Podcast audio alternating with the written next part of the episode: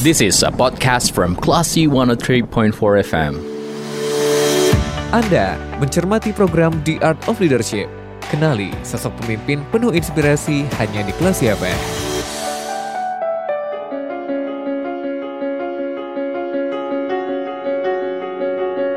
Dari Bumi Karang Putih Indarung Padang 103.4 Classy FM This is the actual radio. Assalamualaikum warahmatullahi wabarakatuh Classy People. Senang banget kali ini saya Anda Hayani um, Memandu Anda dalam program Art of Leadership. Dan kali ini special Empowering Women ya um, Sesi kita kali ini. Kenapa?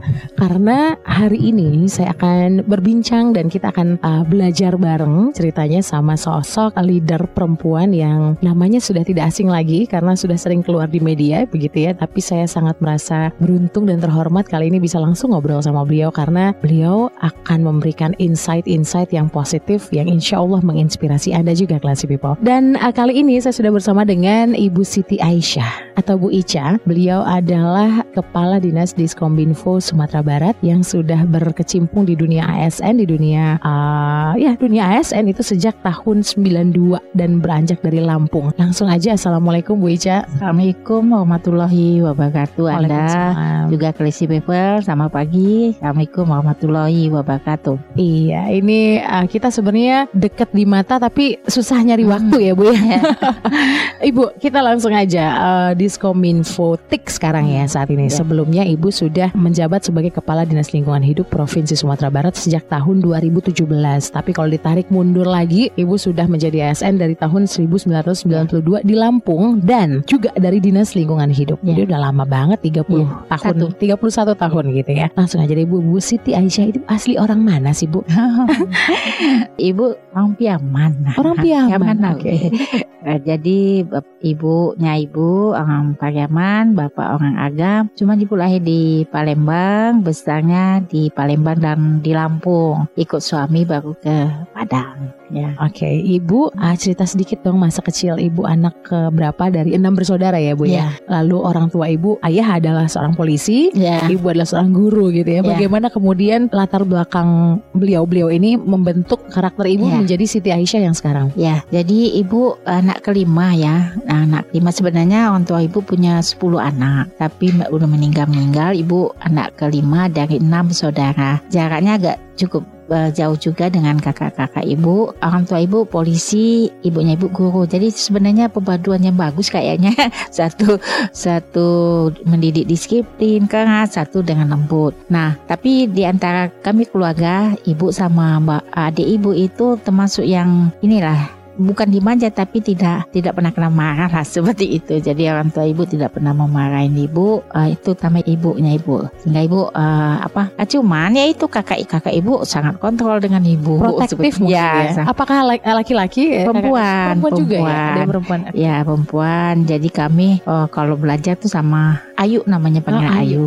Karena gede di Palembang ya? Iya sama. Uh, Ayu sama ya bu ya. Saya di Jambi juga kayaknya. Yeah. Oke, okay, berarti bisa dibilang orang tua tua dan kakak-kakak adalah sosok-sosok yang uh, membentuk ibu dari yeah. childhood dulu yeah. ya. Mm. Bagaimana Bu kalau ibu uh, cerita ayahanda dan ibunda kan memang tipikal yang eh, nggak uh, pernah melarang, nggak pernah yeah. mengekang gitu. Tapi kalau kita ngomong kakak-kakak ini beda lagi ceritanya. Yeah. Jadi kalau dibilang nggak pernah melarang tuh yang kalau bapak ya enggak sih, cuman nggak pernah ma marah okay. sampai seperti dengan kakak-kakak yang lain kan. Oh ya kalau pukul seperti itu, kalau bandel kalau ibu nggak pernah. Eh tapi ibu memang sensitif. Jadi dengan eh begitu aja ibu sudah menangis seperti oh, itu. Okay. Jadi ibu ibu sudah menangis uh, malah di bawah uh, apa kolong meja, kolong ke meja aja sangat sensitif. Kemudian uh, apa? Jadi nggak perlu di dimarahin sudah sudah nangis saja gitu. Nah, jadi ibu uh, badan ibu juga kecil waktu itu uh, sampai ke kelas SMP seperti uh, anak kelas SD. SD kelas 4. Nah, jadi tapi satu hal yang yang ibu uh, apa orang tua ibu tuh nggak nggak pernah ini ya uh, menyuruh ibu untuk apa juara juara juara belajar belajar belajar gitu kan. Nggak uh, apa-apa uh, apa uh, waktu itu ibu merah tiga, eh, merah dua kata oh alhamdulillah kata kata uh, apa merah dua ibu sudah senangnya merah dua ibu merah dua du, kemarin merah tiga gitu kan okay. nggak nggak ada yang orang tua ibu yang uh, uh, marah seperti itu. Nah, tapi ketika ibu uh, orang tua ibu sudah pindah ke Bengkulu, kakak-kakak ibu nggak ada nih yang yang ini. Ibu uh, ikut ini, ikut kayak lomba seperti itu. Entah dari mana gitu, tiba-tiba ada aja kesadaran ibu belajar dan ibu jadi juara. Mhm. Ibu sedikit kaget itu bisa jadi juara, semua orang bisa jadi juara. Jadi mungkin makanya kalau ibu lihat kakak ibu marahin anaknya ya eh, suruh belajar belajar ibu bilang eh jangan marah-marahin sudah cukup aja jangan marah-marahin cukup lah saya aja yang dimarahin nama bodoh nanti seperti itu. Oke. Iya. Jadi itu ya yang ibu rasain justru saat tidak ditekan, Heeh. ibu justru lebih bisa mengeksplorasi Iya. diri dan justru bisa achieve more Iya, gitu ya. karena ya ini ada lomba belajar seperti itu karena Ah, Oke, Hmm. artinya itu juga yang ibu turunkan Iya, ke iya. anak ibu Iya. dan gaya pemimpinan ibu, bukankah seperti itu? Enggak juga sih. Enggak juga? juga. Cuma dalam so- soal belajar anak-anak aja ibu-ibu melakukan seperti itu. Oke. Tapi kalau yang lain ibu tetapkan target seperti itu karena kita memang harus mencapai oke. target. Ada beda ya mendidik anak sama mendidik pegawai. Kalau pegawai itu ada tanggung jawab kita karena kita harus memperjuangkan setiap uang yang kita terima. Beda Oke, seperti itu. baik. Ibu tadi bilang ibu sempat jadi orang yang enggak pedean. Ya. Itu berarti efek dari Mungkin itu atau efek gimana? Dari ini kali badan kecil seperti itu kan penampilan culun gitu itu.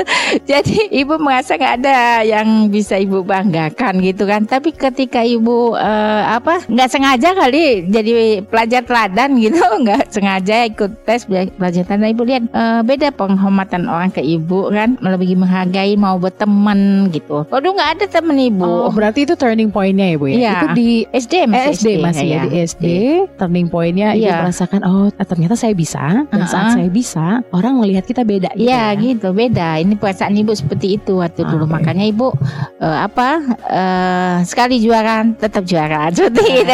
Gitu. Oke.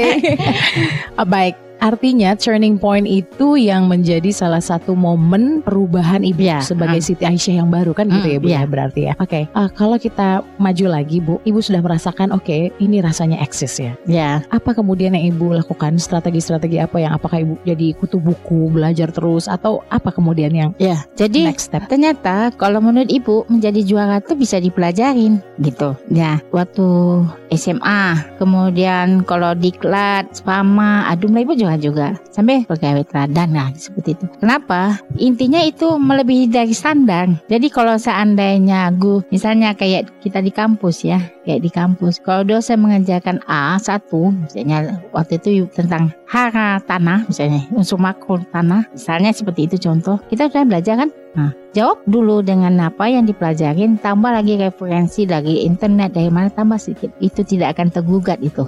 Dan masuk itu langsung yang yang apa? Apalagi kalau misalnya kayak S2 pegawai itu tambahkan permen LH sekian sekian gitu kan? Kan gurunya nambah pengetahuan, pasti dapat A gitu. Makanya ibu eh, IP S2 ibu 4 Baik, ngomong S2 ya. Berarti Ibu- Ibu eh, saya harus kasih tahu juga nih ke Classy People S1-nya di Unsri, betul Ya. ya Bu ya? Di Teknik Kimia Ya. Unsri. Ya. S1 lalu lanjut S2 Ya. di Ilmu Lingkungan eh, di Unan. Ya. Ini Ya itu ya. Jadi itu eh, ngasih tahu tuh untuk ini ya, bukan untuk nyombong Oh ya. iya, aman, Tapi aman. untuk untuk ya itu ternyata menjadi juara itu bisa dipelajarin, bisa dipelajarin. Intinya melebihi dari standar. Kemudian dengan teknologi yang baru ini kita bisa melihat referensi yang lain. Walaupun itu itu berbeda, jangan khawatir sesuatu yang berbeda. Ya. Nah, yang penting dicantumkan referensinya sehingga yang menilai pun mendapat sesuatu yang baru. Ini. Gimana kalau orang yang menilai mendapat sesuatu yang baru dia nggak mengasih yang eh, nilai yang baik gitu Ya, kan? Ini triknya ya Bu Ya, ya. jangan sesuai sesuai standar saja. Going extra miles nih. Hmm.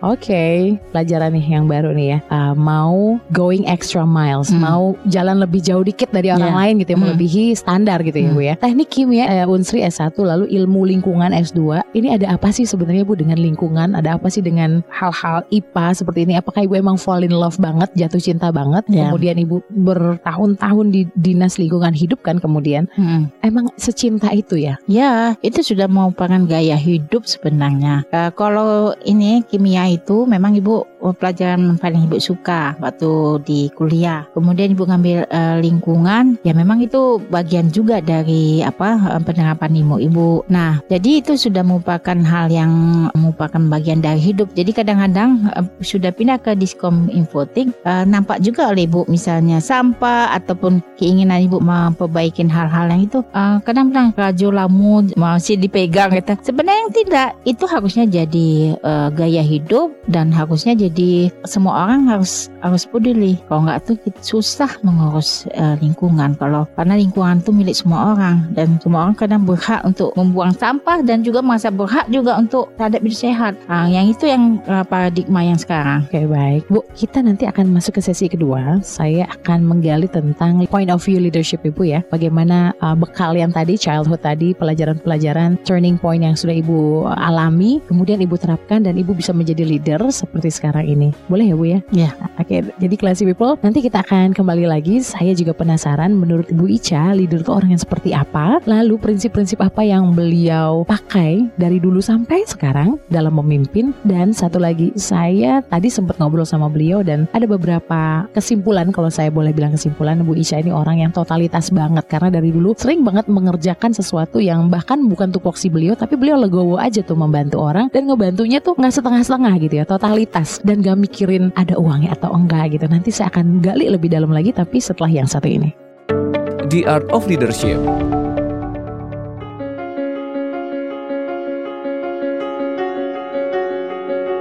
100.4 Classy FM, this is the actual radio. Classy People kembali di Art of Leadership dari sisi Empowering Women. Kali ini masih bersama dengan Ibu Siti Aisyah. Beliau adalah Kepala Dinas Kominfotik Sumatera Barat dan uh, kita akan menggali sisi leadership beliau kali ini. Bu Ica, tadi Ibu sudah sedikit cerita tentang childhood. Ibu di Palembang, kemudian pindah ke Bengkulu gitu ya. Kemudian pindah ke Padang karena menikah dengan Bapak begitu ya. Lalu uh, saat ini menjadi Kepala Dinas Kominfotik Sumatera Barat sebelumnya di DLH. Yang mau saya tanyakan, Ibu kan sekarang jadi leader nih di dinas ini dengan semua poksinya. Leader itu orang yang seperti apa menurut Ibu? Waduh, Pak ya uh, banyak juga mendefinisikan. Tapi kalau dari definisi umum itu adalah orang yang bisa menggerakkan ya. Nah untuk bisa menggerakkan itu sebenarnya kalau kita harus tahu dulu apa yang mau mau kita capai. Nah itu satu. Jadi seperti sekarang ibu kan pindah ke diskom infoting. Mungkin sebagian orang meragukan nih bisa nggak ibu ini yang biasa di lingkungan hidup di diskom infoting. Nah ibu berusaha keras itu untuk segera mengetahui cepat. Salah satunya juga kadang memotivasi untuk menjadi narasumber salah satunya itu. Ada justru ketika ibu uh, agak sulit memahami sesuatu ibu berusaha nih misalnya ada acara ibu berusaha kan sampai jam 2 malam ibu pelajarin itu. Itu satu ya. Iya, sehingga ibu bisa bicara. Betul nggak bicara ibu? Nah kalau udah betul uh, berarti ibu sudah bisa uh, menggerakkan orang ya seperti itu. Itu satu hal yang harus diketahui. Nah, yang kedua juga memberi contoh tentunya, memberi contoh, pembagian tugas yang jelas. Nah, itu juga harus dipinyai seorang leader seperti itu. Oke, jadi harus tahu dulu nih apa yang mau dicapai gitu ya, Bu ya. Ya. Jadi kalau kata orang Minang, rumah harus tampak, jalan harus jalan. Hmm. Ya kan. Kemudian uh, mau going extra miles ya dan bisa kasih teladan ya, kasih Ya. contoh. Hmm. Bu, perempuan terus memimpin. Hmm. Challenge-nya apa sih, Bu? Tantangan yang paling Ya. berat ya. Jadi kadang perempuan itu kalau memimpin dia suka nggak bisa membedakan antara dia ibu rumah tangga sama dia jadi kepala dinas kadang terlalu detil terlalu detil sehingga seperti itu ya cerewet dan sebagainya. Tetapi yang paling penting itu adalah sebenarnya membangun membangun hati ya komunikasi sehingga ada rasa nyaman. Tetap aja mau ini ibu-ibu mereka seperti itu. Jadi itu salah satu ininya juga. Dan mereka biasanya juga lebih lebih banyak ininya lebih terbuka seperti itu. Jadi tetap aja gaya keibuan diterapkan tetap ya. ya, tetap. Jadi kalau ada anggota misalnya kita punya kabin, misalnya ada yang mengadukan tentang kabinnya Bu, ayah Bu, misalnya ini apa? Inyose yang yang didengarkan. Ibu cuma bilang, ya memang begitu. Berarti itu nggak bisa membagi menjelaskan kita bisa nggak menjelaskan karena memang tipologi perempuan kan seperti itu mengurus anak menjadi banyak yang harus diaturnya kalau dia nggak nggak detail nggak apakah Nggak kelar jadinya. Iya, ya. enggak kelar. Tapi ya itu ibu motivasi gitu kan, Ah, bahwa memang pimpinan harus mengetahui bawahan, bawahan juga harus mengetahui kata pimpinan dan biasanya ibu-ibu tuh lebih detail dan lebih tanggung, lebih apa ya? Ya detail ya. Ya, ya detail ya. Tapi itu sebenarnya kelebihan atau jadi kekurangan bu sebenarnya? Ya kalau ibu? kalau ibu sih eh, senang sih, jadi eh, nyaman juga ibu ini senang ibu. Nah, apa yang dia omong pasti dia dia sudah cek seperti itu. Bukan berarti yang yang bapak-bapak nggak seperti itu, tapi, Tapi peng- jadi kelebihan dong peng- ya kita sebagai pengal- ibu-ibu ya. pengalaman ibu dari ibu-ibu seperti itu.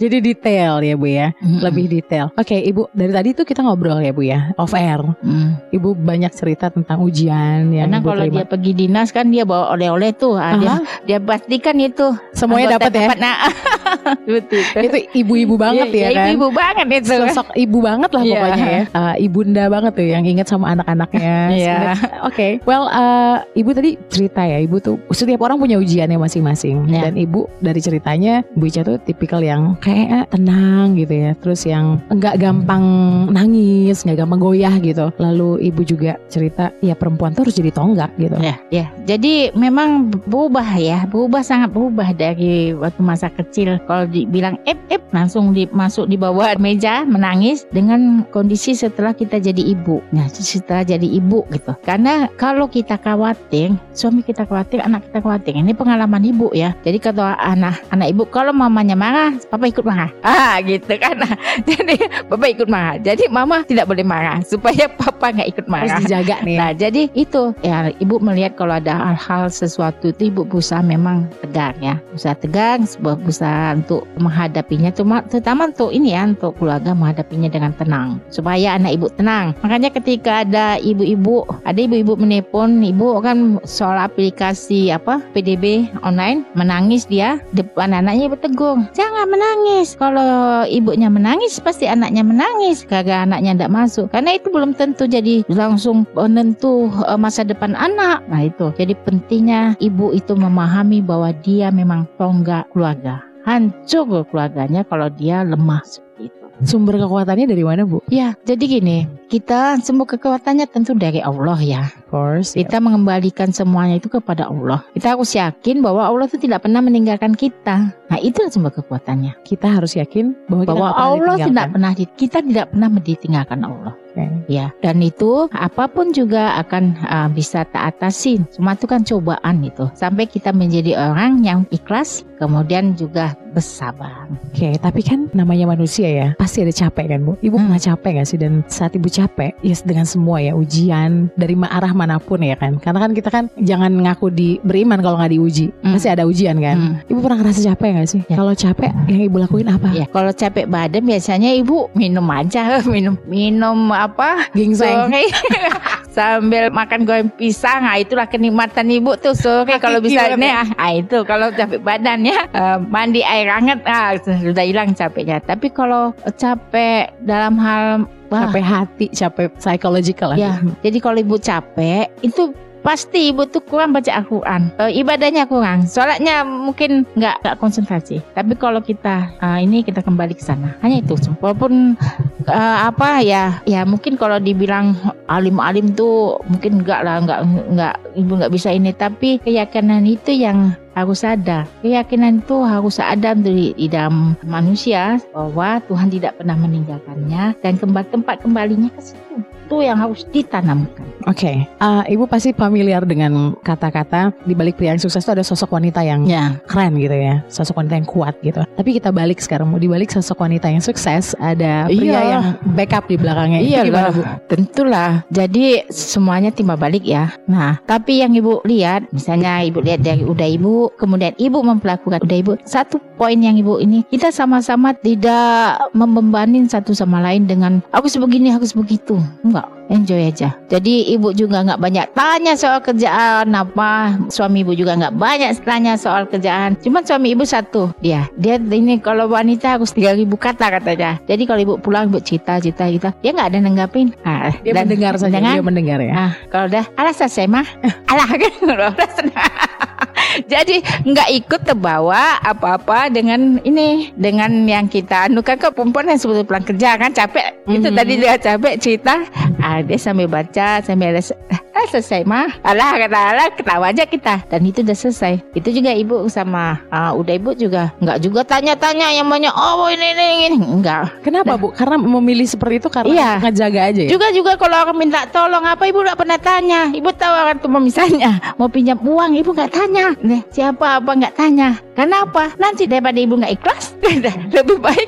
Itu jadi nggak terlalu pembantu nggak usah terlalu banyak ikut campur dengan urusan itu. Begitu juga yang penting kita di rumah itu kita bicara anak seperti itu itu kuncinya Oke, Bu, Ibu kan cerita tadi ya, eh, Ibu tipikal yang dari dulu nih waktu membangun karir dari bawah dari tahun 92 itu yang di Lampung awal kerja, Ibu mengerjakan yang bisa Ibu kerjakan ya, meskipun itu membantu sifatnya karena itu bukan tupoksi Iya. Ibu ya. Dengan gaya yang seperti itu kemudian Ibu sering dibawa, sering dipercaya lah oleh Iya. atasan. Tapi Ibu nggak pernah mikirin ada uangnya atau enggak, pokoknya Ibu karena Iya. suka aja ngerjain. Itu gimana? Jadi gini, ada pendapat misalnya nggak topoksi nggak dikerjakan. Itu ibu nggak sependapat tuh. Memang kalau membantu bantu aja, tapi memang gak usah tampil gitu kan. Ini nggak topoksinya. Nah itu yang ibu pegang. Jadi ada orang misalnya ingat benar ibu waktu itu kan disuruh membaca berkaitan keanekaragaman hayati membuat tulisan kayak itu kan. Ibu tuh sebenarnya bukan tupoksi ibu itu, cuman tapi sudah disuruh ibu kerjakan aja. Tapi belakangan kan ada manfaat ketika ibu kadis itu. Tapi ketika yang dibawa uh, pimpinan kita orang lain, ya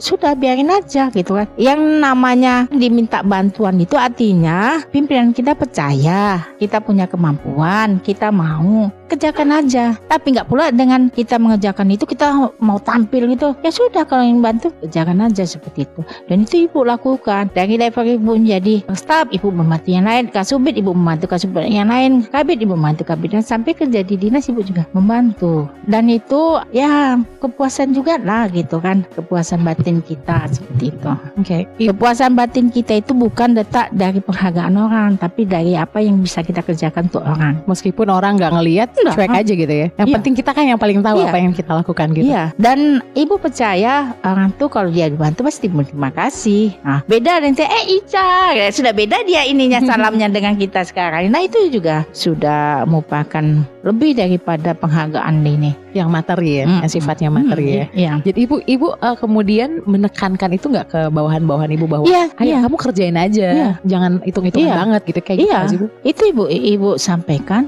ini apa? Kan di tupoksi kita dan lain-lain ditugaskan oleh pimpinan kita seperti itu kan. Seperti itu. Jadi ada dan lain-lainnya itu. Oke. Ibu Dan juga jangan khawatir juga kalau misalnya yang lain dapat nama orang nggak jangan khawatir. Kan nama Tiara itu walaupun dibenam dalam lumpur tetap aja bersinar dia seperti itu. Meskipun Hmm. Dan lagi yang satu lagi ini, kalau kita berharap pada manusia kita akan kecewa. Nah itu, kan ibu udah pernah itu oh, ini kecewa. Jadi jangan berharap sama manusia untuk pujian. Cukuplah dari Allah saja. Bu, ibu kan udah lama banget di dinas lingkungan hidup ya, udah Hmm. berpuluh tahun gitu. Kemudian pindah ke dinas yang beda banget nih jauh ya, Hmm. Diskominfotik ke dinas Hmm. lingkungan hidup. Sementara dari dulu kan udah di Hmm. lingkungan hidup. How does it feel? Nah itu jadi ketika pelantikan anggota ibu ibu ini senyum senyum kata kata anggota ibu kan senang dia dia pindah kata ibu itu kata anggota ibu sebenarnya apa pun ibu selalu berpikir kalau ibu te- pindah tempat baru pasti ada yang ibu bisa pelajarin Mhm. dan juga orang bisa belajar dari ibu. Jadi kalau kita meletakkan hal itu, nggak ada kita ragu dipindahkan ke mana-mana dan kita happy aja. Pasti ada sesuatu yang menaik. Sekarang kita buat konten, Masih. kita buat berita, kita belajar SPBE, sistem pemerintahan berbasis elektronik. Walaupun ibu gaptek kan, tapi dia mau nggak mau belajar sesuatu Belajar, yang ya. baru. Dan itu hal yang menarik gitu membuat kita hidup gitu. Ah. Walaupun di lingkungan hidup dulu pun, ibu menjaga kebosanan itu membuat sesuatu yang baru. Hmm. Hmm, nggak ada yang sama apalagi nama kegiatan boleh sama tetapi yang kayak pendayaan masyarakat itu beda-beda ibu lakukan ibu lakukan Selalu ada kampung- kebaruan di situ ada ya. uh, kampung tematik ekobrik ibu buat seperti itu Hmm, itu kan Oke. Hmm. Oke, Bu, nanti kita akan masuk ke sesi 3 ya, Bu ya. Trivia one word only. Di sesi ketiga nanti saya udah siapin 10 kata buat Ibu. 10 katanya Ibu belum tahu, jadi spontan dan Ibu harus merespon kata-kata ini hanya boleh dengan satu kata aja. Oke ya, Bu ya. Tapi nanti di sesi Dalam ketiga. satu ya. kata. We'll be right back. The Art of Leadership.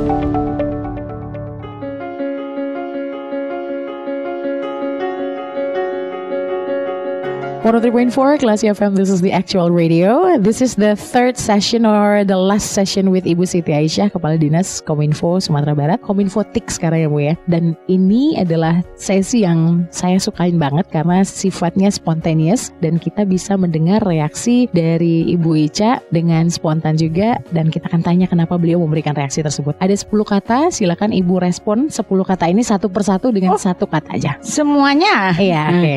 Baik ya Bu ya. Silakan respon ya Bu. Totalitas, kerja, perempuan, mandiri, uang, cukup, waktu, berguna, keluarga, sejahtera, leader, contoh, inovasi, kreativitas, kreatif, inovasi, sumber, maju, belajar. selalu. Bu, kenapa totalitas eh, saya tadi bilang totalitas itu kerja? Ya itu yang kepikiran sa- sama ibu kerja. Tapi kenapa? Jadi mungkin dalam kehidupan itu sebagian besar pikiran ibu ya kerja. Oh ya. Ya. Dan dan totalitas menurut Ibu dalam dalam kerja itu gimana? Iya, Posisinya. totalitas itu kerja tuntas, ku- kerja melebihi target, kemudian kerja juga ikhlas. Asik. Perempuan itu mandiri. Wah, Ya. I love this. Kenapa, Bu? Iya, zaman sekarang ini perempuan harus mandiri. Mandiri bukan arti harus bekerja ya, tapi dia tidak terlalu tergantung, menggantungkan diri terhadap suami. Justru dia harus membantu gitu, membantu dan dia harus bisa menyelesaikan eh, berbagai persoalan, mendukung suaminya, mendukung anak-anaknya. Berarti di balik kata mandiri ini sebenarnya ada kata-kata lain ya harus cerdas, Iya, harus strong, iya, Iya kan? iya, harus punya jiwa yang lapang. iya, Iya kan? Mm-mm. Banyak case Iya. heading ke bawahnya ya Bu ya. Eh saat saya bilang uang, Ibu responnya cukup. Ya uang tuh cukup aja, mau banyak mau dikit cukup aja gitu ya. Kalau kalau banyak banyak pula pengeluarannya, kalau dikit ya cukup aja, wah cukup aja. Cukup ya. Oke. Waktu berguna. Kenapa itu? Ya, karena ya itu suat uh, alasan waktu itu harus dimanfaatkan dengan hal yang berguna karena kita tidak bisa menjemputnya ke ke belakang Yes. seperti itu. Yes. Hmm. Kalau uang bisa dicari ya. Kalau waktu udah Harus wasting. kita Mau gunakan dengan diapain nggak bisa nggak diapa-apain lagi kalau Iya. udah berlalu ya Iya. berlalu gitu ya. Keluarga sejahtera. Oke. Ya, jadi keluarga sejahtera itu keluarga yang sakinah mawadah warahmah. Jadi nggak ada keluarga itu yang sebenarnya yang benar-benar dia itu bahagia terus yang yang dia pasti ada cobanya. Tapi kuncinya kalau mau sejahtera itu saling mendukung, eh, kembalikan kepada fondasi agama seperti itu. Oke. Saat saya bilang leader, ibu bilang contoh. Ini kayaknya memang sesuai ya sama sesi kedua tadi. Ya, Leader tuh memberi Ya, contoh. memberi contoh. Contoh kita. Jadi contoh itu bukan hanya teladan dalam kepribadian, tapi juga mampu dia menyelesaikan masalah, tahu dia apa yang yang harus dikerjakan. Jadi ibu sering kalau misalnya bingung ini, ibu turun seperti ini, seperti itu. turun gunung ibu ya. Iya turun gunung. Hmm, Contoh, inovasi kreatif. Saat saya bilang kreatif, inovatif. Ini boleh bu, ibu jelaskan pentingnya Iya, inovatif dan jadi being creative. Inovasi itu, jadi inovasi itu sesuatu yang memang kita itu harus bisa melihat dan menyimpulkan apa yang lagi yang harus kita kerjakan, apa yang lagi yang harus kita buat supaya tidak stagnan. Hmm. Padahal yang sederhana aja kita bisa berinovasi. Contohnya aja soal eh, surat menyurat saja, bisa kita selalu memperbaiki apa yang ini, yang sesuatu yang rutin gitu, sehingga kita bisa selalu ada ruang untuk berkembang. Oke, inovasi adalah kreatif dan kreatif itu inovatif ya. Sumber maju. Wah, ini sesuai. Sumbar ya. maju Aha. sesuai tema 17